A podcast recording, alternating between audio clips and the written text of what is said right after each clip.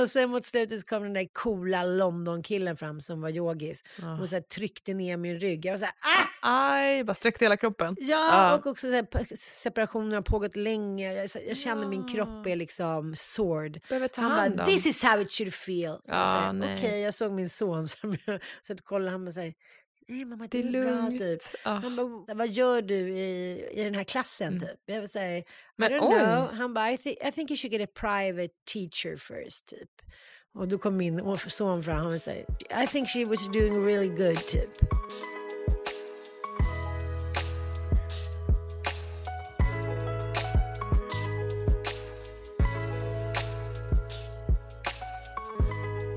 Hej Ann, hur mår du? Hej, jag bara satt och pillade på mitt munsår. Det är så mycket efterdyningar av min, eh, min förkylning här under Ah. höstlovet. Ja, torr hud som jag berättade för dig. Ja. Över en natt vaknade upp som liksom Quasimodo. Typ. Mm. eh, och, eh, och munsår, det får jag nästan aldrig. Ah. Nej, vet du vad? Jag kan få det väldigt, väldigt sällan, men jag har haft det någon gång ibland. Ja. Det är inte kul. Nej, det är inte kul. Det känns nästan som att det är den moderna tidens spetälska, att man nästan Ja. inte kan gå ut på stan. Jag vet, man skäms. Förlåt, Ja, ja. och bara liksom, jag tänker också, typ, så här, jag har aldrig haft akne eller så, nu kommer jag in på det här direkt, men jag tänker liksom, tänk för de som har akne, det är ju Ja. som att ha det fast vet. över hela ansiktet. Jag vet. Jag kan bara tänka mig. Nej, men allting med huden är ju väldigt stigmatiserande när den inte funkar om man ska Mm. säga så. Nej, men jag, jag läste ganska nyligen en stor undersökning om hud Ah. Och hur mycket det påverkar oss att till exempel ha torr hud. Ja. Eller akne, Mm. eller liksom eh, Mm. eksem och Mm. liknande. Att det, här, det kan vara väldigt stigmatiserande och eh, skapa isolation. ja, men verkligen. Ja. Och man tänker ju inte på det när man inte är drabbad, men jag hade eksem som liksom var min grej när jag växte upp och sådär.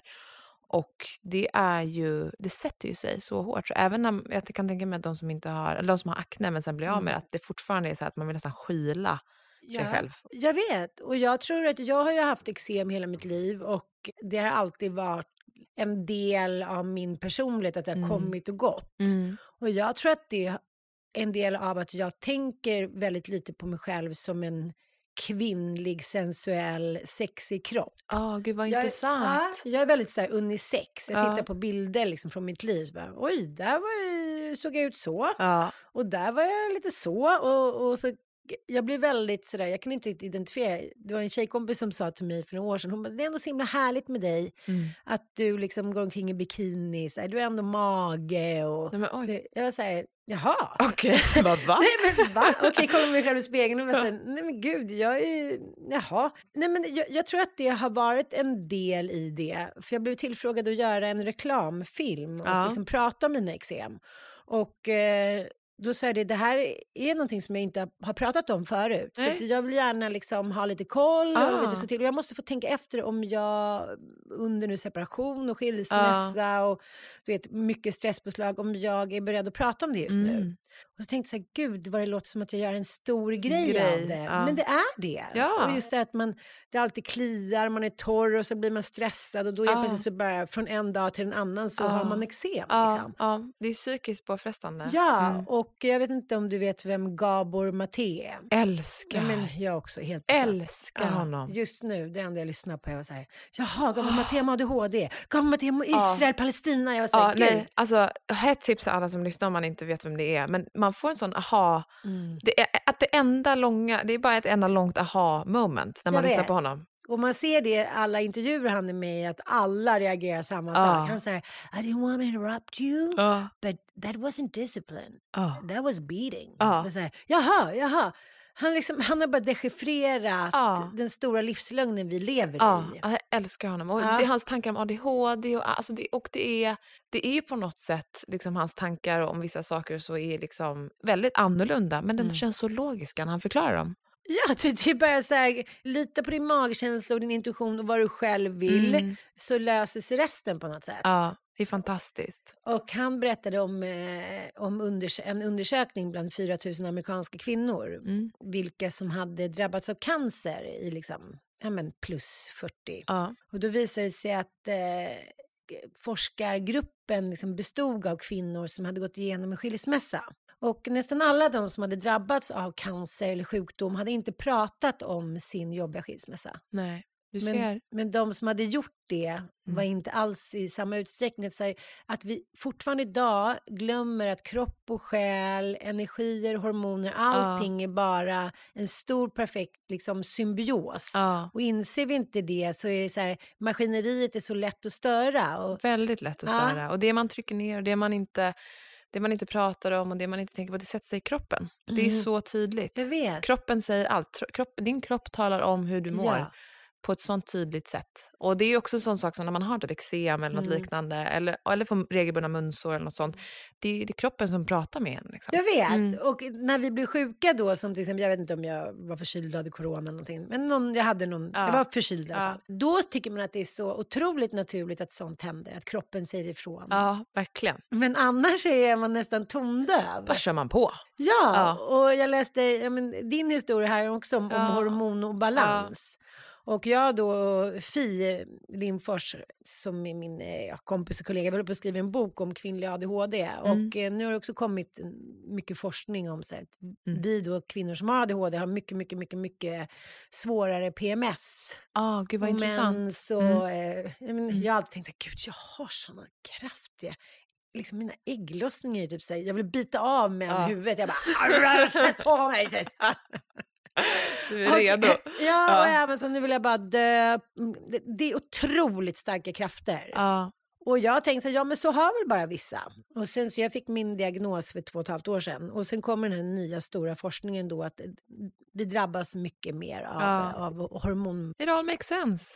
Ihop. Allting makes Ja. sense. Och Gabor säger också så här, men allting handlar ju om vad kroppen vill säga oss. Att vi, vi tycker att vi lever ett normalt liv, men vi lever liksom... Hans bok som han har blivit ja, världsberömd med, det är ju The Myth to Normal. Att Ja, säga, exakt. Nej, det är inte normalt att barn ska sitta framför skärmar Nej. och bo inne i stan. Det är Nej. inte normalt att vi ska stressa från morgon till kväll och sen ska vi ha några veckors semester. Nej, Alltså, vi är djur. Ja, Alltså, vi- ingenting vi... gör är normalt. Nej, allting, alltså det, det är nästan komiskt när man tänker på Ja. det. Och också- också typ så här hur människor har byggt upp de här reglerna och ramarna för hur man ska vara och sociala Mm. koder men också lagar och grejer för att det måste vi ha för att förhålla oss till. Men när man tänker tillbaka till det allra mest bassaken Mm. är att nej, men vi djur, vi liksom är uppvuxna i naturen Ja. och på det sättet så, så förstår man också hur mycket som, man, ja, men som inte är menat för människan egentligen Mm. och hur, hur, liksom, vilka konstigheter vi lever i. Och det tycker Ja. jag också man ser när man... Jag har varit med på ganska många så här vimmelbilder genom Ja. åren. ja, men det blir ju så. Och så ibland ska man hitta några gamla roliga bilder Ja. till något reportage eller till någon podd eller vad det nu är. Ja. Och eh, då är det också så otroligt tydligt att ens utseende följer ens mående så otroligt Ja, mycket. Nu kan jag i och för sig, nu är det kanske lite annorlunda eller om man sminkar sig väldigt mycket eller om man kanske har opererats något sånt där, det är Mm. kanske lättare att liksom... Dölja. Ja, Ja. men med mina så fem barn och småbarnsår och det, så, ser man väldigt tydligt också när jag har varit i medberoende till exempel. Eller när min mamma var sjuk eller när min pappa drack. Alltså det är väldigt tydligt Ja. Vad jag är med andra Ja, människor. ja. Att jag och min kropp och mitt utseende och min hy Ja. har väldigt svårt att stå fri Mm. från även mitt medberoende. Ja, ja, jag förstår det. Förstår du vad jag menar? Ja, jag förstår precis. Mm. Men om vi går tillbaka lite till, det finns så mycket med, att prata om med dig, så jag är så här alldeles vild i hjärnan. Men jag Fem tänker, poddar. Ja, exakt. Man bara, ah. Men jag tänker att vi går tillbaka och pratar om det här med din um, ADHD-diagnos som ändå är väldigt intressant. Vad, och den fick du för två och ett halvt år sedan. Ja. Det är väldigt nyligen. Det är väldigt nyligen och eh, jag försökte, alltså jag har försökt göra utredning innan. Mm. för tio år sedan, ja, för, för ganska exakt tio år sedan. Och eh, då fick jag bara liksom göra en första läkare, Okej. där de då gör någon liksom, indikation på om man Mm. får fortsätta, man ska säga. Och den manliga läkaren tyckte inte det. Och så har jag försökt tänka efteråt så här att det är nog ingen annan i hela världen som inte har tänkt det. Nej. Han är ändå så här utbildad läkare. Ja. Så jag sa till min kompis fru som jobbade där då. jag här, men nej, vadå? Han tyckte inte att jag uppfyllde kriterierna. Nej, okej. Det gör jag väl. Hon bara, ja men du får jättegärna träffa någon annan om du vill. Så hade jag ganska nyligen träffat Mattias Mm. eh, som är pappa till mina två mindre barn. Och ville väl på något sätt liksom visa att jag var också en bra mamma och jag var en liksom ordentlig kvinna och han kommer från en så bakgrund där jag tyckte så här, ja, men det är ordning och reda. Ja, och, okej. så jag tror att jag kamouflerade också för mig själv. Ja, för jag att jag ville så här, förstår. framstå som Mm. någonting som jag kanske inte kunde leva upp till. Nej. Och sen visade det sig att vi båda har liksom varit lite så mot varandra. Ja, det är också så himla onödigt på något sätt. ja. Hur tror du det blev så då, eller varför? Ja, men jag var på en tjejmiddag häromdagen och vi är ju ett tjejgäng. Vi, vi har känt varandra sedan gymnasiet och haft tjejmiddagar i 25 år. Så Mm, att vi har liksom länge. ja, vi har ju följt varandra alltså från vår tonårstid Mm. till liksom att alla nu har fyllt 50. Mm. Så det är så här, det är en hisnande gemensam resa. Det är som att vara med sig själv, liksom, Mm. att vara med de här elva tjejerna. ja, men du vet. är så- Underbart. Ja, de bara, okej nu är du lite tyst bara. Ja. Jag bara, jaha. Så skönt med sådana relationer där det är, så här, det är inget fass. Liksom. Ja, och ändå så är man ju väldigt respektfull och de är ju de viktigaste i mitt liv Mm. på något sätt. Så det där, allting har ju verkligen gått i vågor. Ja. Men då sa min kompis Tina, hon bara, jag kommer ihåg när du träffade Mattias, att du var så här, tänk att han, liksom den här snygga, yngre, proper, typ killen som jobbar med ditten och datten, tänk att han vill liksom bli ihop med mig och så här, ta hand om mig och mina tre barn. Att jag kanske på något sätt ville ha någon upprättelse från min relation innan. Ja, okej. På ett sätt som jag absolut inte har tänkt. För jag är Nej. så här, "Va? varför skulle jag sagt det? För vad skulle, vadå, som att jag skulle, vadå, varför skulle inte jag vara värd en... Såklart. Ja. Ja. Det ska ju vara självklart. Ja. Så jag tror att jag var ganska mycket där. Dels hade jag levt i en eh, beroenderelation länge. Min Mm. pappa hade väldigt mycket problem med, sin, med alkoholen då. Mamma Mm. hade liksom dött och eh, ja, det var ju ganska länge sedan då. Men att det var så många sår som jag inte hade bearbetat. Nej. Så att jag kanske ändå kände så här, jag eh, undermedvetet, för vi träffades på en golftävling Ja. där jag var kändisen i hans lag. Han Ja, okej. för Nike. Och jag inser nu att jag var nog väldigt målmedveten. Jag var så här, okej, jag hoppade in i hans golfbil för han hade skadat benet. Jag var så här, jag kan köra din bil hem om du vill dricka en öl. Han Mm. bara, nej, typ, så här, jag kan köra min egna bil. Ja. okej. Och sen träffades vi på, sen på kvällen på banketten. Mm. Och då, nej men jag bara här, det var klart. Ja, jag fattar. Jag Vissa var- saker är bara klart. Ja, Ja. och jag var ju där på dejt med en annan kille. Så Ja, du bara, hej då! Mårten Andersson, förlåt. jag får tacka för mig här nu. Han blev sur. Ja. Nej, så det, jag tror att det handlar mycket om att man som kvinna kanske aldrig tror att man riktigt duger på något Mm. sätt. Och eh, det ser ut för min nioåring sa häromdagen så här, pappa så len hud mamma, det har jag med och Frans, men din, varför är din liksom så torr? Nej, men. Ja, ja, men jag är ju så otroligt torr Ja, just nu, ja. men det är ju stress och liksom Ja. skilsmässa och allting. Jag var så här, eh, ja, skulle förklara det, att redan när man är nio år Ja, så ser man människor också mycket liksom utseende och Mm, hud och verkligen. liksom ungdom och icke-rynkigt och icke-grått Ja. Att vi har liksom skapat ett sånt samhälle. De mönstren finns att vi ska där. vara perfekta. De mönstren finns där från så tidigt Ja. i inlärningen. Jag har en Ah. tvååring och Ah. hon är snart tre. Men, och jag märker på mig själv Ah. hur, hur man ger beröm och hur man pratar till, och hon är en flicka och sen så finns det på, bara redan där, hur mycket man liksom lägger i deras hjärnor från början och man kommer på sig själv. Liksom. Ah. Men samtidigt så vet man inte heller hur man inte ska... Alltså det, det är så otroligt svår balansgång och svårt tycker jag i uppfostran. Och du, nu har ju du fem barn så du vet ju mycket mer än vad jag vet. Fem söner dock. Fem söner. Mm. Oj, oj, oj. Det är ju typ ett fotbollslag. Ja, det är verkligen det. Och eh, min 19-åring sa häromdagen, han har en tjej, han bara, men jag, jag vill ändå ha i alla fall minst fem barn. Nej, vad fint. Både och. Jag var så här, okej Elon, eh, men alla mina barn är väldigt så här barnkära. Ja. Och eh, jag, jag har ju alltid återkommit till mantrat, man nekar aldrig en kvinna om hon vill ha ett barn. Exakt. själv du bara, så många så. Nej, då kan man inte ens prata om att vi inte ska ha ett barn till. Nu, nu är jag ju med barn. Ja, exakt. Så de är väldigt sådär äh, inne i det. Och så nu min 21-åring, han jag vet att om han träffar någon, det- kommer också bli många barn och han skulle Ja. aldrig säga nej, han är som mamma, vad gullis. fint. Så jag känner så här, jag måste verifiera lite där som jag har sagt. Vi måste tänka att vi kanske ändå bara ska ha två barn. Två till tre tycker jag är lagom. Men det, jag tänker att det är väl ändå ett fint kvitto på att de vill ha många barn. Att de känner att de under sin uppväxt, att Ja. de har fått det där och de vill ha det själva också. Ja. Det är ju någonting fint med det, Ja, det är jag. väldigt fint. Ja. Och igår så Bobo, han, han sa, jag har gråtit fyra gånger nu på två dagar mamma. Jag var så här, ut med det bara. Oxytocinet, det är kramhormon, det är snällhormonerna. Och vi har börjat yoga och Ja. han tycker det är så jobbigt, vi nyseparerade ganska Ja. nu, att vi inte alla bor tillsammans. Såklart. Ja, han var så här, på kvällen så här, jag älskar mamma, jag älskar pappa, jag älskar Dante, jag älskar Ila, jag älskar, jag älskar farmor och farfar, jag älskar Mm. hunden, jag älskar mig själv. Det pratar vi mycket om att det är fint. viktigt. Ja, väldigt. Och igår så han var så ledsen då för att brorsorna har sovit där för jag har varit bortrest på businessresa. Och hur jobbigt det var när de gick då på morgonen och lämnade på Ja. skolan. Att han var så här, de är så snälla mamma, varför bor vi inte alla i gula huset? Jag var så här, Ja, då går man ju sönder. ja, Liksom. man gör verkligen det. Såklart. Ja. Och det tror jag mycket handlar om, för mig har det aldrig varit så su- jag menar, Det är klart att jag älskat mina män, Mm. och, men det har mer handlat om att vi ska vara ett vi. Det är det som har Mm. varit min trigger. Ja, att, jag i- förstår. Liksom att inte så här, Att det inte är vi nu, vi allihopa. Ja. Mm, mm. Jag förstår, det mig blir farligt också. Att jag, en man känner jag att Ja, det det spelar roll. Ja. Ja, det är klart att det spelar roll, men om det inte funkar så funkar det Nej, inte. det gör inte det. Mm, men en familj är ju svårt att liksom lappa ihop på ett Ja, samma det är sätt. klart. Det är sådär. klart Mm. ja. Men hur har du gjort då?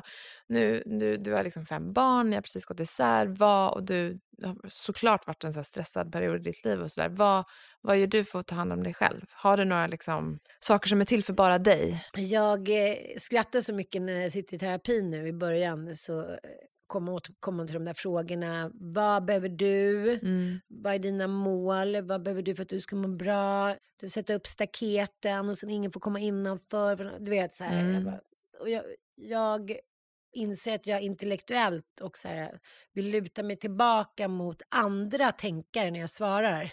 I början. Okej, Ja. Okej, v- vad känner du? Jag här, jo men enligt den forskningen om han blir... ja, jag Nej, förstår. jag har inte tänkt så på så många år. Ja.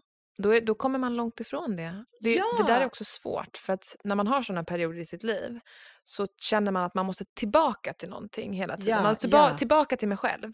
Men att inse, när, när man väl inser att men jag är ju här, Ah. precis här. Mm. här och nu. Jag behöver inte tillbaka till någonting, jag behöver Nej. inte fram till någonting. Jag är här och nu. Och det är den personen jag behöver möta och det är den personen jag behöver vara. Ja. Sen kan man välja, jag vill vara mer så här eller så här. Men Mm. att man möter sig själv där man är. Mm. Och när man väl gör det så känns det så självklart. Men det, det, kan, det kan verkligen vara en lång väg dit. Otroligt lång väg och eh, samtidigt så jag ident- identifierar mig så otroligt mycket med mina barn och Mm. mina vänner för jag har ingen familj, mamma och pappa är döda, jag och min syster har inte jättebra kontakt. Så det blir lite så att jag blir väldigt sårbar. Mm. Och då, mina fem barn är ju min familj. Såklart. Så att då blir lite så här, nej men jag bryr mig inte, så jag behöver inte ha någonting, jag behöver bara ha mina fem barn. Ja, jag förstår. Och det fattar jag också att det där är snävt. Mm. Och jag kan ofta, jag tror också att det kan vara en kvinna och ADHD, för det har jag pratat med många andra tjejer om också läst väldigt mycket om att så här, man kommer in i ett rum, man är i ett socialt sammanhang eller med andra mammor eller på en du vet, fest med business och man fattar inte riktigt, men man så lär sig copycatta. Ja, jag fattar. Man bara, här, jag ska inte ta citroner och squeeza Nej. i drinken. Okej. Vad ska jag göra så här? Okej. Ja, Mm. och att jag fortfarande tampas med det. Att jag är Mm. så här, jaha, är det så man ska göra när man torkar av? Ja, jag fattar. Att man måste copycat för det kommer inte naturligt. Själv när man säger på med pyjamasen, vi sticker till dagis Ja. eller nu käkar vi chips med dipp till middag. Ja. Ja. men, att man bara går på feeling. Ja. Och det är ju väldigt tacksamt när man har barn för de är ju liksom helt De gör ju också det. De bara, ja. ja. De går på feeling hela tiden. Precis, och det här med liksom normer och hur det ska vara, och hudvårdsrutiner och Ja. min 19-årings tjej har bott mycket hos oss och Mm. hon eh, är väldigt mycket med hudvård och fix och tricks och sminkar. Jag säger kolla på henne varje morgon bara, nu har du suttit en halvtimme, vad är det du gör? Nej men det är kontoring, det är Fixar fixa. och grejer, Ja, ja. och Mm. hon säger så "Men det här är så skönt för mig, då får jag min tid för mig själv. Ja. Och sen så liksom sätter jag på min professional mask typ Ja. och sen går jag till skola eller till jobb. Ja, men det är hennes typ av meditation kan man säga. Det är Ja. hennes rutin. Det är det hon, ja. hon Precis. gör det för sig själv. Och det är det som jag så himla gärna vill på något sätt eh, verkligen slå ett slag för. Att det ska vara, om det är så ytligt allting. Nej, det är inte ytligt. Frisörsalonger har aldrig varit ytliga. Nej. Eh, det, det sker någon så här, samtalet fortsätter för Mm, kvinnor. Och att, Verkligen. Det är som jag kan gå i en mataffär och så är plötsligt känns, så ringer min man eller ja, någon kompis. Men gud, du skulle varit här för typ en timme sen. Jag var så här, va? Skulle Jaha. jag? Nej men jag hittade en liten grej där Ja. jag tittade på. Där var en liten hudkräm. Mm. Ica Maxi och jag, det är så här, we're just best friends. Heaven. Ja. Ja, och där var lite jordgubbar, jag ska inte ha det. Det Och var sen underbart. Det är min Ja, meditation. det är din meditation. Och Ja. det, det är det som är så fint. Det kan se ut på så olika sätt. Man Ja. behöver inte sitta ner tyst i ett rum. Även fast det kan vara väldigt bra Ja. så krävs det också många gånger mycket mer för att hamna där Ja. än att hitta det i sin, sina Ja. vardagliga företeelser. Liksom. Mm. Och, då, och ibland får det vara good enough. Mm. Liksom. Man Ja. behöver inte Nej. den där liksom, perfekta bilden av att Mm. man sitter på ett berg och yogar. Liksom.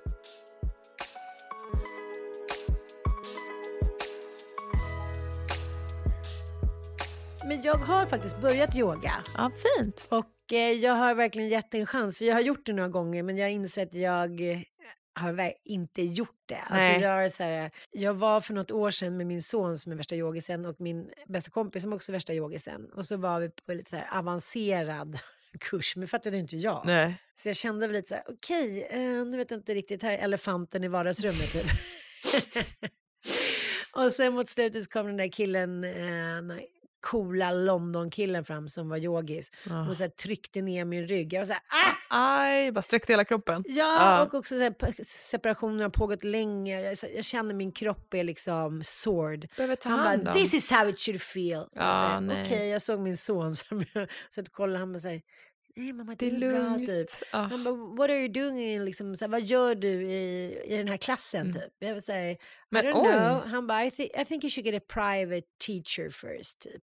Och då kom min son fram och sa, I think she was doing really good. Verkligen, man får vara på den nivå man är. Ja. Det är det yoga handlar om också. Ja. Att så här, allt är okej, allt är acceptabelt. Ja. Liksom. Sen är det klart att det finns olika nivåer, men alla är där man är. Så då la jag ner lite, men nu eh, den här hösten Mm. så har jag liksom, inte jättemycket, men jag har ett kort på Mm. Yogamana. Ja, bra. Så jag ska eh, gå dit idag. Så jag försöker gå i alla fall en gång i veckan. Och så har jag varit på ett yoga-retreat en, här, en dag och sådär. Du yogar väl jättemycket då? Det är, väl jätte, det är ju fantastiskt. Ja, Men eh, varje gång jag gör när jag på an, gjort några andningskurser och det så tänker jag så här, men gud hur man känner sig efteråt. ja. Nej men det, jag kan inte jämföra med någonting, inte sex, inte Nej. löpning, ingenting. Det är så här, Man är ju nu? hög på sig själv typ. Ja, det är det är så- känslan av att man är, Att vara en del av sig själv. ja verkligen. Häftigt. Energierna balanseras på något sätt Ja. och man, man känner sig, ja det, det är svårt Mm. att beskriva men man, Mm. man, det är verkligen som att vara hög på sig själv. Ja, Att för att man mår så bra. ja. Och vetskapen då att man har inte behövt liksom, Nej. alkohol eller några substanser för Ja. att må så bra, Ja. det tycker jag är fantastiskt. Att bara veta att man kan må så bra av sig själv. ja Mm. helt otroligt. Det är motiverande. Ja, Ja. titta på Ninni och säga Nej men gud, nej, men vad händer nu? Ja. Och att, för någon som lätt blir uttråkad, jag cyklar varje dag. Ja. Det, är, det har blivit liksom som någon så här, tvångsrutin för mig. Ja. Att jag så här, går upp, jag tar min cykel, Bettan som jag kallar henne, eller jag kallar alla, alla fordon för Bettan. Nej, Bettan, det är gamla Bettan. Och det blir också en sån här då vet jag att dagen har börjat. Ja. Jag cyklade, då vet jag att jag kommer i tid.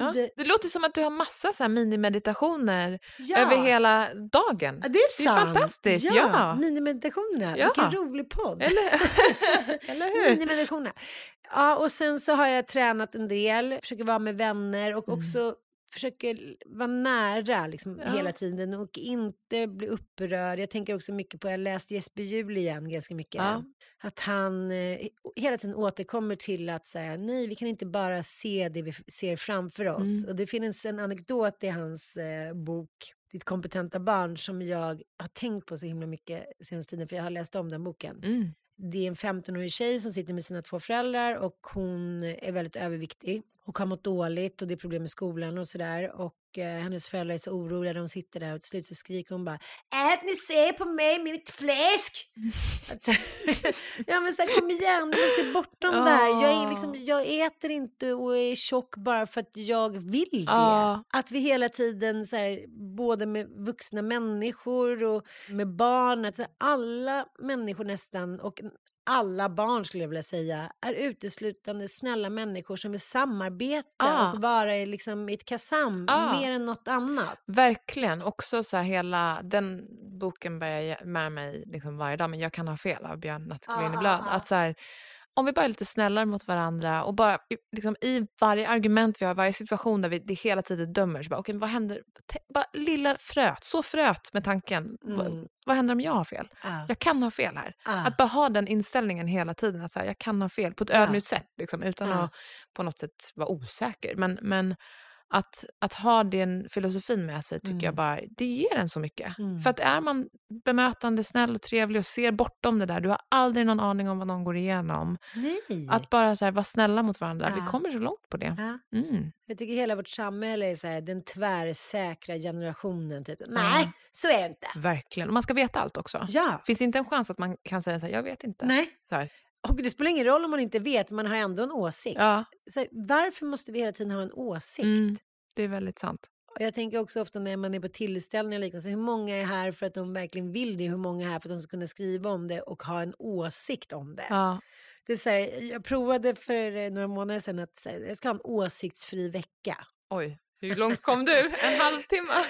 20 minuter då. Eh, och jag och Sanna, min poddkollega Sanna Lundell, vi har Ja. en podd som heter Inte din morsa. Ja. Och hon håller på att utbilda sig, eh, eller vi utbildar oss båda till anhörig och KBT-terapeuter just nu. Wow! Ja, slow. Eh, det går sakta men säkert. Ja. Sen har ju Sanna pluggat liksom religion. Ah, okej. Så nu pluggar hon sociala sammanhang och Ja.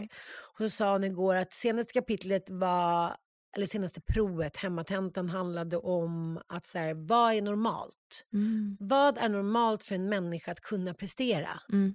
Och så här, att hela tiden se hos den andra människan, men vad jag tycker om hos den istället för att vara så dömande. Hon kände själv att hon är dömande. Och vi pratade om det, att man, eh, vi pratade om våra pappor. Hon har ju en väldigt känd pappa, Ulf Lundell, då, som hon har haft lite liksom, beefs med i Mm. pressen. Mm. Och han har då eh, sagt upp eh, bekantskapen med henne i pressen Ja, det är... och i böcker. Och så blir man så här, nej men hur kan en pappa göra så där? Och Det Ja. är lätt att vara dömande. Så frågar vi varandra, men vad tycker vi om med våra pappor då? Mm.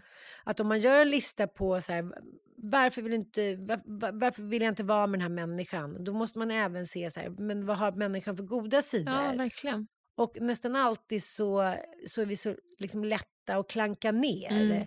Och så här, men varför är du vän? kanske kan acceptera, om, om du har en vän som inte har kommit i tid på tio år, Mm. då kanske jag säger vill jag vara vän med den här, även fast hon inte kommer i tid, då kanske jag kan bestämma att just med henne så kan jag göra något annat, eller Ja. hon om de där 20 minuterna vad det handlar om. Mm.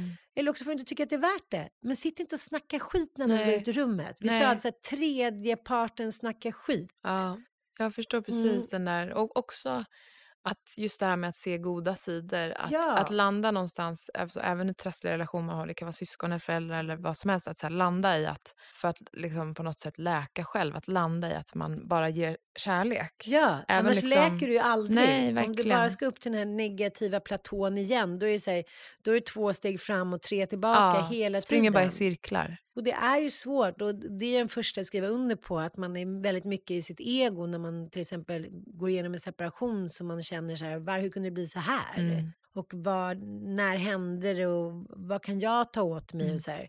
Men jag försöker också säga det till mig själv, även om det en dag börjar fel eller slutar lite krångligt så har jag tillbringat så många år av mitt liv att gå in i känslan. Dels ta på mig den själv, men det kanske är mitt fel, då hur ska jag rädda den här personen nu så att den mår bra fast jag egentligen inte har någonting med det att göra. Nej. Nej, man måste också lämna över ansvaret ibland. Men Ja. tror, det, tror du att det kan ha med liksom, ett medberoende, att du har den bakom att man också är där och liksom, på något sätt vill fixa? Ja, men jag, jag vill ju lägga bomull över liksom allas känslor. Jag vill se till att alla lever en paradisisk tillvaro. Men jag har ju såklart inte verktygen och förmågan att göra det för alla i min närhet. Går inte. Men det är väldigt tydligt för mig. Jag, jag minns första gången där jag då skulle kunna vara ett klassiskt medberoende exemplar. Och det Ja. var när min farfar hade dött. Jag tror jag var fyra då, min syrra var fem. Och vi var med på begravningen. Och jag ser det här som i en film. Jag ser precis hur det såg ut där på Katrineholms, eh, det var Katrineholm där på kyrkogården. Och mamma sa så här, kan inte du gå bort till pappa och trösta honom, han är så ledsen. Mm. Och jag förstår att det här är en oskyldig tjänst att be om. Så gå bort till pappa och ta hans hand. Men för barn då som hela tiden vill prestera och som vill liksom vara hjälten och clownen. Bli älskade.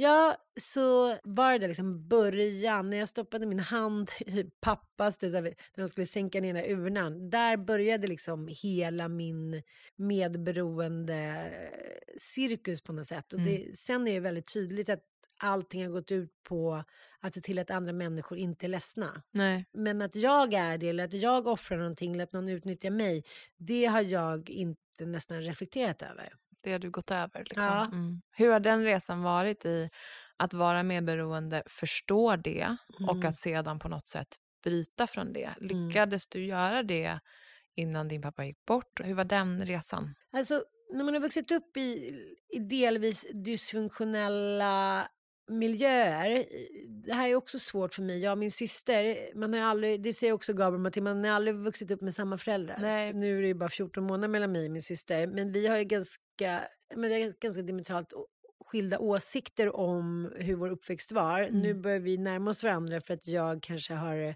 tagit bort mina skygglappar. Men vi har också varit helt två olika liksom, personligheter. Jag har varit så här framåt, duktig i skolan, duktig på idrott, är glad. eh, Hon har varit blyg, eh, det- också ADHD. Men den andra sorten då som vi ofta missar, att man är tyst och blyg och osäker och liksom istället blir utåtagerande Ja. i tonåren. Ja, men precis. Så att hon tycker då att liksom, det var väldigt gränslöst och pappa betedde sig liksom illa. Och, det gjorde han ju, inser Mm. jag nu. Men för mig som var mycket mer resilient och så här, maskrosunge, jag var ju inte hemma så mycket. Nej. Ja, då startade jag ett fotbollslag, då satte jag upp en show. Jag såg ju till att hela tiden... Hålla dig i rörelse. Ja. Mm. Och jag vet inte, det kanske var någon flykt undermedvetet, kanske. Mm. Men det var ingen som pratade om medberoende då Nej, på så här 80 och 90-talet. Det det var fanns verkligen väl inte det. då på Nej, samma... det fanns- jag Psykisk hälsa överlag var ju inte en sån Nej, stor nej, grej Nej, liksom, det liksom som man pratade om. klippt och skaffat jobb typ. Ja. Det är fortfarande lite den inställningen tycker jag. Mm. Och jag och Sanna pratar mycket om det i våra föreläsningar. Att här, om, någon kommer till skolan och om ens mamma har gått bort till exempel i cancer Mm. eller är sjuk i någon annan sjukdom, då är det väldigt, alla väldigt förstående. Man kan prata om Ja. det. Vi måste vara snälla mot Annika nu eller Peter. Och.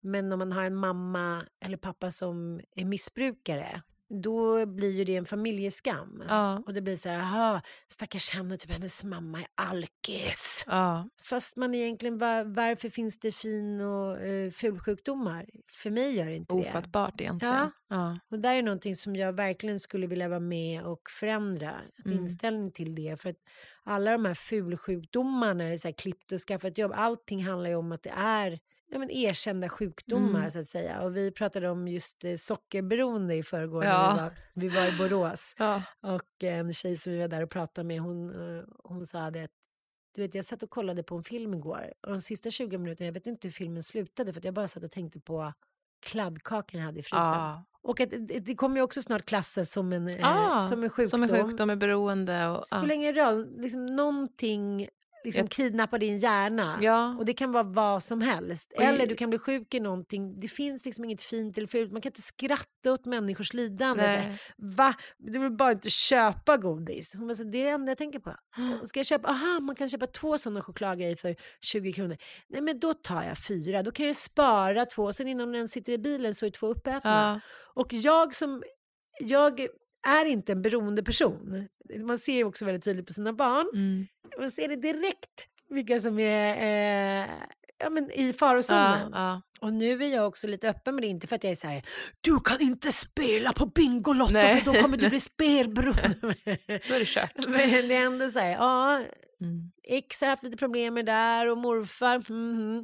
Så att vi i vår familj, vi får vara lite försiktiga. Ja. Ja. Hur reagerar barnen på det då? Jo, men mina tre stora killar är ju men, nästan absolutister Ja. med alkohol. Okej. Eh, ja, men, det är klart att de har druckit någon gång och så här, blivit fulla, men nej, det är väldigt... Är det på grund av liksom, deras morfar och att de vet om liksom, eh, bakgrunden eller är det mer bara... Jag tror att det är så här, dels eh, har en av dem råkat illa ut när de druckit alkohol. Mm. En av mina söner gillar inte att förlora kontrollen. Mm. Utan han, han dricker någon gång då och då. Och så, han gillar inte känslan, han tycker inte att det är gott. Han vill, liksom, han vill vara i nuet. Mm. Och min tredje är väl en blandning av att han är liksom, kanske inte är 18 än men också är så här, nej men verkar inte ha något sug Nej. efter, har inte börjat festa och så där, Nej. liksom. Så det är ju bra. Ja. Och eh, jag har ju kompisar som tycker det är så kul att festa med sina barn. Och ska säga gemensamma Ja, födelsedagsfester. just det. och jag är så här, när man har vuxit upp i familjer med alkoholism, då är man så här, det är det sista jag skulle vilja göra. Ja. Att bli full med mina Ja. barn. Det skulle vara värre än Nej, men samma för mig med, med mina krig. föräldrar. Mm. Ja. Mm. Men det, det finns något obehagligt med det tycker jag. Ja, det är klart att man kan säga, ja, är det någon som vill ha en öl på midsommar, vill ha ett glas vin, men n- 99 gånger av 100 så, Det behöver inte heller handla om det, alkohol. nej, det är, liksom. så, här, det är ingen grej i vår Nej, familj. nej. Och det känns så otroligt bra. Att jag, jag märker att ingen av dem har fått just kanske den, Den, nej, den nej, Sen är det förstår. mycket annat. så. Såklart, som det Ja. är med barn. När var det du förstod att ett medberoende och, och hela det, och när kunde du liksom se på det med andra ögon? Eller har du kunnat göra det? Ja, men, men jag har ju fallit tillbaka flera gånger. Det är Ja. som vilket beroende som helst. Ja. Att man måste, man måste hålla sig ajour hela tiden. Man måste också omringa sig med människor runt omkring sig som är så här, okej, eh, nu vet jag inte vad, varför ska du åka hem och göra det? Eller varför frågasätter du inte det? Mm, precis. Och där har jag ju min Sanna. Liksom. Ja. Och första gången som jag insåg att jag var medberoende, det var när hon och jag, Sanna Lundell är ju min kompis sen snart 15 år tillbaka. Ni Och- poddar tillsammans. Ja, vi poddar, men vi gör ju allt Mm. tillsammans. Liksom. Men vi reser tillsammans, vi har våra barn tillsammans. jag säga. Nej, men vi har verkligen funnits där för varandra i alla år. Och vi är ganska olika på ett sätt.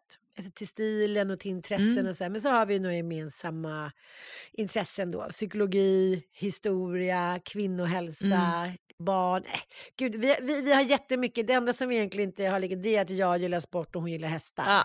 Och där är det så här, vi gjorde en intervju för Amelia för några veckor sedan. Och hon sa, men gud vad mysigt, gör din horse yoga, är du med ofta? Annie?" Jag säger, jag har inte varit där en enda gång och hon har aldrig ridit på någon av mina hästar på 15 år. Jag, säger, jag tycker att jag är ganska autodidakt när det gäller mycket. Jag kan Ja. säga, ja, men jag kan ut och springa, man kan hitta på ett rid. Mm. Men just ridning, du vet, när jag sätter mig på en häst, det är Mm. som att sätta mig på en ridan, ett ridande stenblock. Mm. Jag, liksom, jag fattar, jag kan inte följa med. Jag, det- det är väldigt konstigt för mig. Ja, man har ju respekt för dem. Ja.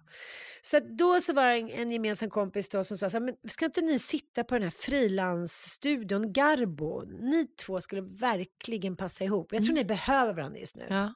Jag levde i en relation då med mina stora barns pappa som var väldigt, eh, jag var väldigt medberoende till hans liksom, Mm. missbruk och eh, psykisk ohälsa. Mm. Och Sanna då, ja det är ju en pågående Ja. kampen med mycket P. ja.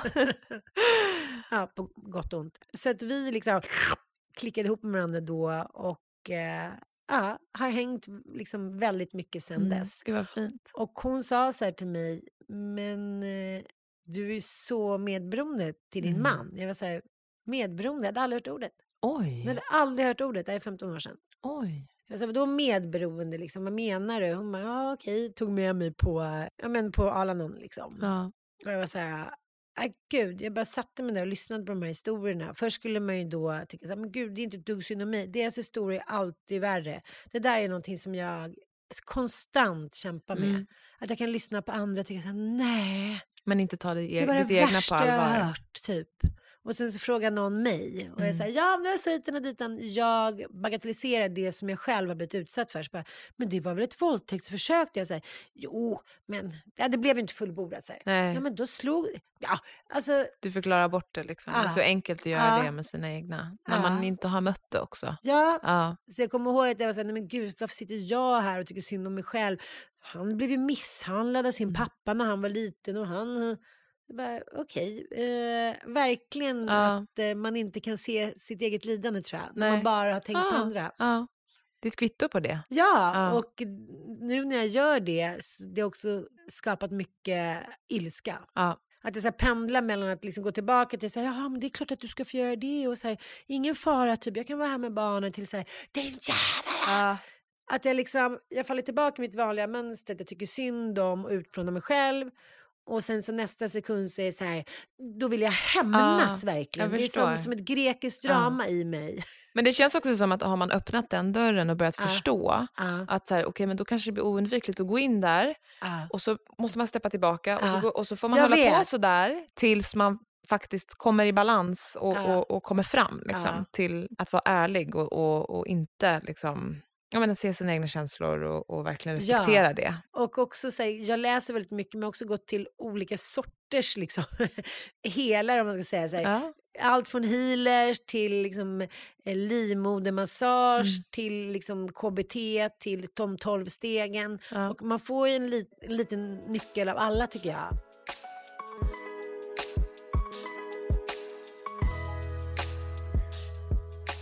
Har det varit någonting av, av allting du har gjort, liksom 12 stegen och olika healingsmetoder, och så här, som, har det varit något som har så stuckit ut och varit mest betydelsefullt? Eller har det varit en kombination av, av mycket? Men för liksom, i våras så var det ändå ren och skär träning. Mm. Då eh, ringde jag till min eh, kära vän D-Flex och var så här, I'm dying man. Han bara, no you're not, come here, I'm gonna fix you. typ. Ja. Och sen så startade vi eh, några bootcamps. Mm. Så man kom iväg då två gånger i veckan på morgonen. Mm. Och det var liksom som en trygg eh, punkt för mig. Så jättemysigt gym och där fanns det bastu och där fanns det hudkrämer och där fanns det frukost. Ja. Så att ibland kunde jag komma på mig så här, oj klockan är halv två, jag var här sju i morse. Måste Ja, det- gå nu. Det var liksom, blev som en frizon. Ja.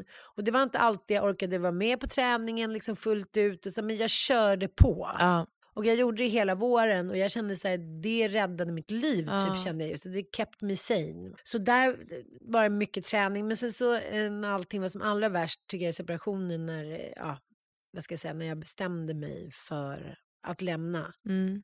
Då var det några, ve- liksom några veckor där vid jul när jag kände så här, nej men nu är det så nattsvart så att jag, eh, jag vet inte hur jag ska klara den här dagen. Nej. Och då ringde jag till min healer, Vem är det då?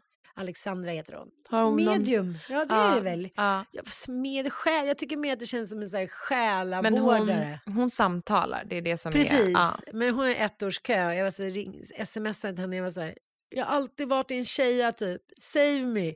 Hon bara okej, vi, vi tar över telefon. Ja, okej, vad bra. Och då bara grät jag och grät. Jag kommer ihåg jag stod i huset som vi bodde i då och min man var hemma Mm. också. Och jag var så här, det här går inte. Det är liksom så, det är så hemska energier här hemma. Ja, Jag, Så nära inpå också. ja, jag bara, jag får inte ut dem. Och då sa hon bara så här, det kom, så sitter hon och drar kort också. Ja. Hon bara, okej, djävulskortet typ. Jag bara, mm, mysigt. De tio knivarnas kort. Hon Ja. bara liksom drog det flera gånger typ. Jag bara, okej. Och Ja. Hon sa, det kommer vara några jävligt tuffa år liksom. Mm. Och sen så kom hon till studion och var med i min och Sannas eh, podd. Och då, Sanna hade också skitjobbigt just då. Mm. Så då fick vi ett varsitt eh, tio knivarnas, hon fick djävulen och Okej. jag fick typ tio knivarnas igen. Kul, roliga tider som Ja, är jag framför bara, er. Ja, jag bara, nej men nu vill inte jag dra några mer kort. Hon Nej. bara, jo nu drar vi ett till var. Okej. Och då fick jag liksom det finaste kortet. Med så kvinna och man som står i solen. Och Sanna fick också något så här, Så ni fick bättre än djävulen. bättre än djävulen. Ni fick ändå båda förhoppningen om att det kommer, Ja. det kommer bli ett bra Ja, slut på det Och här. jag tänker så man måste ta till det som krävs. Och sen så min kompis Rosa with Love, Mm. Rosanna. Hon är reiki-healer. Ja! Ja, mm, jag vet vem hon är. Jag kommer ihåg också att jag hade precis, eh, jag skulle gå in till henne, det här var också i maj. Eh, jag skulle precis iväg på den här Robinson-grejen ish som jag var Ja, med det vill jag att du ska berätta om sen. Lite. Ja, vi ska komma in så på det. jag hade liksom, och hade, du vet, pratade med mitt ex då var så här, jag bara, jag orkar inte, jag, det, liksom att vi, vi kom aldrig vidare med någonting. Nej, det bara kändes så här, och ändå skulle vi stå där och tjafsa, det Ja. blir så någon så här gummisnoddseffekt, att man vill lämna varandra men man kan inte Nej, riktigt. Man måste på något sätt igenom det där så många gånger fram och tillbaka för att sen också veta. Ja, att jag man vet, här, nu jag vet. är det rätt beslut. Ja, och jag försökte så här framkalla någonting som vår psykolog säger så här, han springer och jag springer efter. Liksom. Ja, jag Men jag, bara, så- jag är så lösningsorienterad. Jag, säger, jag gör vad som helst för att lösa saker och jag tycker oftast att det går ganska snabbt. och nu var jag så här, jag kommer ingen vart. Nej. Så jag, var, så- jag var så frustrerad, jag var skrek till honom så här, jag vill aldrig mer prata med dig något sånt Ja. där. Och sen så knackade jag på hos eh, Rosanna, hon bara säger, ja men hennes liksom hela uppenbarelse. Mm. Hon bara, hej älskling, hur är det med dig? Ska Mm. du komma in? Då bara... och sen så gjorde hon en eh, yoni-healing på mig. Okej. Vänta, hur går det till? Jag minns knappt, men det var som att vara i någon liksom, annan värld. Ja. Först eh, lägger man sig ner då eh, på den där liksom, bädden, ja. Man ska säga. Och sen sätter hon på musik och sen sjunger hon och så slår hon på lite grejer Ja, okej. och. Och sen så eh, förde hon mig från att så här, varit helt avstängd i min kropp Mm. och i mitt, vad ska jag säga, jag har varit väldigt mycket i mina maskulina energier tycker jag Mm. senaste åren. För det var så flytt, barn, separationer, det varit mycket liksom, pappa har dött, Mm. jobba grejer på jobbet. Alltså, det har varit liksom, det har pågått. Ja. Så jag brukar skämta när jag pratar med min andra kompis Anita att jag är liksom, känner mig som en kentaur. Mm. Att jag, så här, jag känner, jag är bara en häst som galopperar omkring under magen. Allt med så sex eller sensualitet. Jag har också gjort två stora operationer. Ja, okej. Dels eh, för förlossningsskada Ja. i underlivet som också var så här att bli ihopsydd. Mm. Eh, vad det innebär att inte kunna gå på toa på flera veckor. Det var... Men det är allt- jättepåfrestande. Och allt som man gör rent operationsmässigt, det är ju Ja. det är krävande för kroppen. Man behöver Ja. vila, ta det lugnt. Och det kunde jag inte riktigt. Nej. Och sen så ett halvår senare så tänkte jag men nu kör jag på så gjorde, sydde jag ihop mina magmuskler. Okej. För de eh, gick isär då med, med min sista bebis Mm. för sju år sedan. Som jag bara säger, oj, det där kände jag inte Nej. att han kom ut ens en gång. Nej, Okej, vad oj. händer nu? Ja, jag fattar. Och till slut så kunde jag liksom inte träna, jag kunde inte sätta mig upp. Nej, det är ohållbart. Ja, och det var en två timmars operation då. När Mm. min, det var åtta centimeter. Som, Oj, här, ja, åtta centimeter. Mina tarmar, jag bara såg ut som en ballong hela tiden. Okej. Samtidigt som jag kände att nu gjorde jag någonting för mig själv. Ja, vilket blev en investering i mig själv. Såklart. Så fick jag inte riktigt något stöd i det. Okej. Och, eh, Från det, din Ja. s- liksom, sambopartner? Ja. Mm. och det tror jag så det var ett hårt slag för mig. Vilket form av stöd fick du inte? I form av typ rehabil- rehabilitering och förståelse? Eller bara mottycke? Liksom? Nej, liksom eh, mer så här att det, jaha, behövdes det där ungefär och vad tråkigt det blev för mig nu när du inte kunde ta hand om allting i stort sett. Oj, okej. Ja. Och det är såklart att det här går hand i hand med ett mer liksom holistiskt mående, om man ska säga så. Att det inte bara var det att hade vi båda varit på ett bättre ställe så kanske inte hade blivit så. Nej. Men d- det här var ett uppvaknande för mig också, även om jag alltid varit intresserad av kvinnohälsa Mm. Och tyckte att det varit viktigt eh, så började jag, jag jobbat för 1,6 miljonersklubben och ja, föreläste allting. Men jag började Ja. verkligen fördjupa mig i det här också. Hur orättvist kvinnor liksom behandlas i vården. Mm. Bara det här exemplet att kvinnor får hjälp. Det tar en- i genomsnitt 10 minuter längre tid innan en ambulans kommer till en kvinna som har fått en hjärtinfarkt. Eh, för att vi som medberoende, även när vi pratar med dem på Oj, liksom, ja. ja, nej men det kanske inte är någonting, ja, jag kanske ska vänta lite till typ och ja nej men det gör inte så ont och Man vill inte vara till besvär. Det är ju Nej. liksom det ja, största. ja, tror jag, vi vill som- inte vara till Nej. besvär. Och det, det mönstret ligger ju hos alla, även då hos män. Så det är ju liksom Absolut. invant. Så att jag menar att du gick igenom det för dig. Mm. Där i en sån situation så hade man ju önskat från sin partner att bara få stöttning och så här, vet du vad, jag, jag tar markservice nu. Ah, ah, Så kan du få liksom, rehabilitera och läka och vi är här. mm. För ibland måste man göra saker för sig själv för att må bra. Men jag tror att det har varit också en, ett mönster som jag försöker bryta nu. Att det handlar om att jag har kapacitet och ork att göra mycket. Och jag har många så här, strängar på min lyra. Mm. Jag kan koka soppa på en spik, jag kan vara positiv på en Ja. soptipp i Sydafrika. Ja. Jag och Sanna Lindell var med Kristoffer Triumf för SOS Barnbyar för några år sedan. Ja. Eh, I Sydafrika så satt vi på en soptipp. Ja.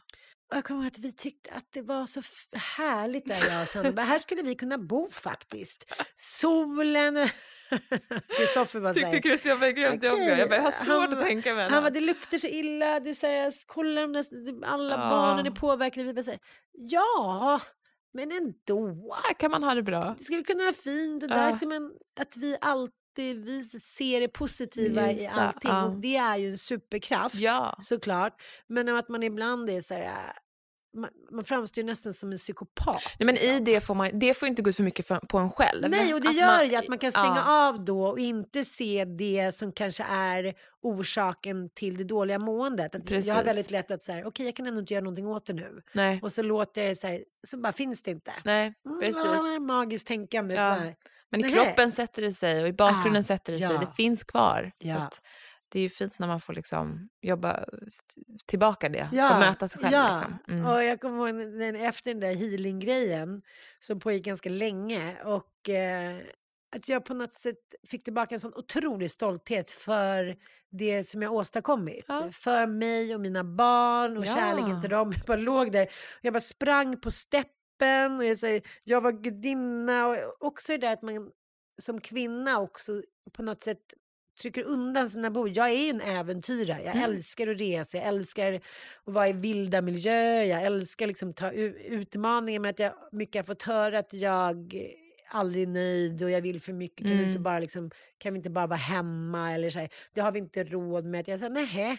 Och så inser jag att det där är inte jag. Nej. Jag kan inte vara man med får människor. beja- nej, man, Ja, man måste få bejaka det man är och Ja. att, inte bli, att, att liksom inte bli tillbakahållen. Ja, så det var liksom helt otroligt. Och då kom jag ihåg att jag sa till eh, en läkare, för man var tvungen att göra läkarundersökning när vi åkte iväg på det här Good Luck Guys. Ja. Och då sa jag så här, ja, jag har haft så ont i hjärtat sen jag börjar bli lite orolig, jag kanske har stressat för mycket. Hon bara, så här, "Ja, berätta om din livssituation. Ja, du vill gå igenom en skilsmässa. Ditt hjärta gör ont, du är Ja, ledsen. Ja, Och då tänkte jag så här, ja. Mm.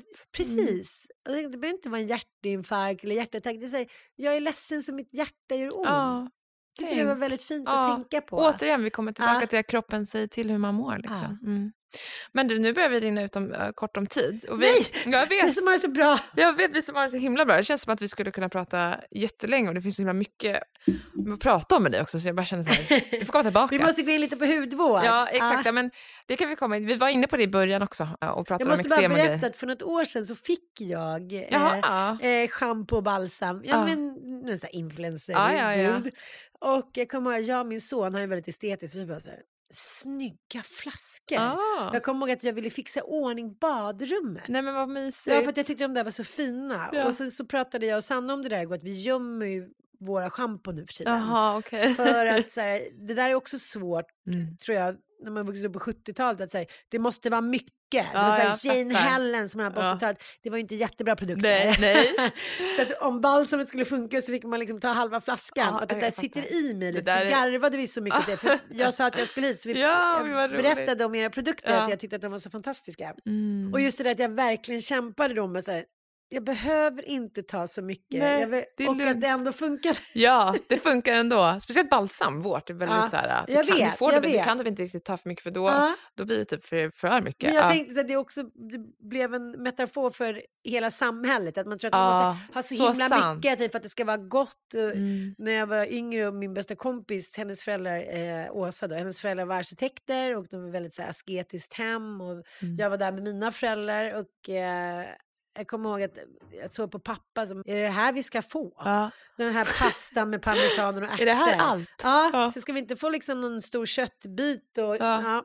och ska vi inte dricka mer vin än det här? De måste hitta någon gammal whiskyflaska. här. okej. Ja. Och jag kan också vara så här, nu ska det vara chips med dipp och nu ska det vara godis. Som hemma såg som så här, har lagt upp i små skålar. Som är måttfulla. Ja. Som kan också ha, du vet, så, så jag är faktiskt inte så heller som kan ha, om man har liksom någonting, typ, säg en godispåse, nu äter inte jag godis, men säg en godispåse. go- ah, Och sådana som kan lägga fram liksom Nej. fem bitar. Och sen har, står resten i skåpet i en vecka. Liksom. nej, Men det där tror jag är så här, sånt visar sig redan från när man är barn. det Barn som kan med. hålla på sina man godispåsar i en vecka. Liksom. Spara en godispåse. Kolla på Bobo. Jag var så här, får jag godiset? Han bara, nej men jag ska spara lite. Jag säger, Nej, det men, gör man inte i vår familj. Man gör inte det. man äter upp allt på en gång, annars blir man av med det. Så är det. Ja. Men Ja. eh, vi har alltid eh, tre återkommande sista frågorna. Och nu börjar det bli dags för dem, så jag tänker att vi kör dem. Och då är första frågan, om du fick eh, välja en rutin, alltså Ja. vad som helst, det kan vara träning, det kan vara meditera, det kan vara spa, det kan vara you name it, eh, som alla jordens människor skulle behöva göra varje dag. Det vara lag på att de skulle göra varje dag. Vad hade det varit? Mm. Vad tror du hade varit bra? Det var, jaha, eh, det får vara vilken rutin som helst. Vad som helst. Okej, det var att gå upp och eh, visa respekt för människor man älskar. Fint. Ja, säga så här, god morgon, jag kanske inte är på mitt bästa humör just nu så jag håller mig lite tillbaka men jag vill bara säga att jag älskar er och har världens bästa dag och finns det något jag kan göra för er så är jag här liksom. Jag älskar. Och Mm. en kram. Ja, fint. Empati. Ja, Visa empati. empati. Mm, mm, mm. Okej, vad tror du att dagens generation behöver göra för att få nästkommande generationer att må bra? Alltså hur ska vi behandla våra barn för att få dem att bli så bra människor som möjligt? Eh, jag, jag tror, det handlar så otroligt mycket om tid och det behöver inte vara så här eoner av tid men jag märker det när jag har barnen nu, mina två Mm. yngre jämfört med mina tre äldre som jag fick ju tre barn på fyra år Ja. och jag kommer ihåg att min frustration över att jag inte hade någon hjälp så att hela tiden om det var någonting som hände så kunde jag bara liksom åtgärda det Jag men jag kunde aldrig backa tillbaka och så här, ska vi sätta oss ner några killar, vad var det som hände? Mm. Alltså, det är klart att jag gjorde det också, men att jag känner att jag, jag kunde inte ge dem av den kunskapen som jag faktiskt besitter. Mm. Och det är någonting som jag försöker också värdera nu, som min, en av mina terapeuter säger, hon bara, varför använder du inte allt du kan? Varför omsätter du inte det i praktiken? Varför låter människor kliva in? Mm. Varför är det så här, du kan ju allt det här, Mm. omsätt det i praktiken. Och det försöker jag göra med mina barn nu. Ja. Att så här, okej, du har ont i magen, du känner, det känns, hur känns det? Ja. Det känns oroligt, men det känns inte, som jag sa till det känns inte sådär bra. Okej, vad kan det bero på då? Du ska till skolan imorgon, du har varit lediga. Att jag försöker säga, jag Ja. vill inte att någonting ska fastna och Nej. sen i tonåren skapa ångest Nej. eller något beroende eller någonting. Att jag tänker att så här, vi tar det där och då, Mm. vi sopar Mm. inte under Nej. mattan. Det handlar väl också så här, om att ge tid och Ja. se, se Ja. vad det är som händer och försöka coacha. Liksom. Och sluta, så här, jag är så trött på mina egna och andra vuxnas ursäkter. Mm. Men jag har inte tid med det, då måste man tjäna pengar. Det är klart att jag förklarar det också för barnen. Så här, ja, men om du ska vara hemma idag också då, för att du eh, känner, då måste vi lösa det på något Ja. sätt, för det går inte. Och annars får du följa med. Men jag försöker hela tiden visa samma respekt som jag önskar att jag visat mig själv. Ja. Försöker jag liksom nu vi, visa mina barn tidigare. Men lära. Ja, Mm, ja. mm. Det var jättefint. Och ehm, sista frågan är, vilken, vilken gäst tycker jag att jag ska intervjua i podden? Camilla Henmark. Okej, Ja, spännande. ja. Jättekul. Tack tips. att hon Du var den snabbaste någonsin som bara, det här namnet. Nej, men det är bara för att jag... Eh, hon, jag bor i, eh, eh, nära Kungsholmen. Ja. Och jag har sett henne flera gånger och så plötsligt häromdagen var hon i min trappuppgång och jag bara hej Camilla. Jag tycker hon är så fin. Spännande, ja jätte. Hon har fantastisk hud Ja. och så här, hon har fortfarande glädjen i ögonen. Hon är så sjukpensionär och nu kom det någon ny eh, dokumentär med. Med så här, människor som orkar liksom, behålla livsgnistan och bry sig om sitt utseende Mm. fast de är här, ganska långt ner på botten. Det behöver vi mer av. Ja. Henne ska jag definitivt reacha ut till. Ja. Ja. jättekul. Ja. Men tack så jättemycket. Det här var så underbart. Det var en sån mysig stund. Det känns som vi hade kunnat hålla på forever. Jag, kände, jag hade massa frågor. Jag tror inte jag ska ställa en enda, men, men det kändes som att vi berörde alla punkter så fint ändå. Okej, ja, det okej. kändes blev jättefint. Ja, härligt. ja, tack för att jag fick komma. Tack ja, och bra jobbat med allting. Ni är så grymma. Ja, men tack snälla. Tack. Tack.